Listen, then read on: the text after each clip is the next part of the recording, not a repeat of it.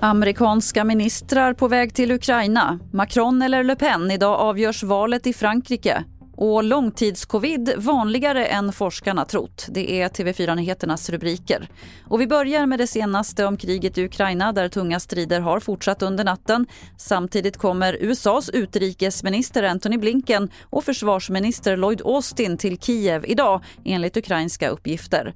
Vår reporter Therese Kristiansson är i Lviv och hon säger så här om förväntningarna på besöket.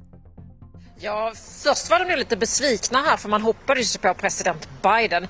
Men där att Blinkens besök här är det viktigaste amerikanska besöket sedan krigets början. Och framförallt så hoppas man ju på ännu mer eh, tyngre och eh, defensiva och, och, och fler offensiva vapen. Macron eller Le Pen? Ja, idag avgörs valet i Frankrike och det står alltså mellan sittande president Emmanuel Macron och högernationalisten Marine Le Pen. Vår reporter Elisabeth Frerot är på plats vid en vallokal i Paris. Det är ingen rusning precis, det är mer kö i bageriet tvärs över gatan där folk köper sina frukostcroissanter. Vi träffade några valarbetare för Macron som var ute och klistrade upp nya valaffischer i morse fast det egentligen är förbjudet att kampanja idag och i det lägret är det ganska nervöst nu för även om den här eh, 10-procentiga ledningen han har i opinionsmätningarna kan verka betryggande så har ju stödet för eh, Marine Le Pen aldrig varit så stort. Så att det är eh, det är öppet för överraskningar faktiskt ikväll trots allt.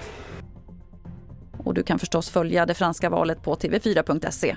Till sist kan vi berätta att forskare varnar för att långtidscovid verkar vara vanligare än man tidigare trott. Enligt en brittisk studie hade knappt en tredjedel av covidpatienterna som vårdats på sjukhus återhämtat sig efter ett år. De flesta hade problem med till exempel trötthet, muskelsmärtor, utmattning och andfåddhet. Fler nyheter hittar du på tv4.se. Jag heter Lotta Wall.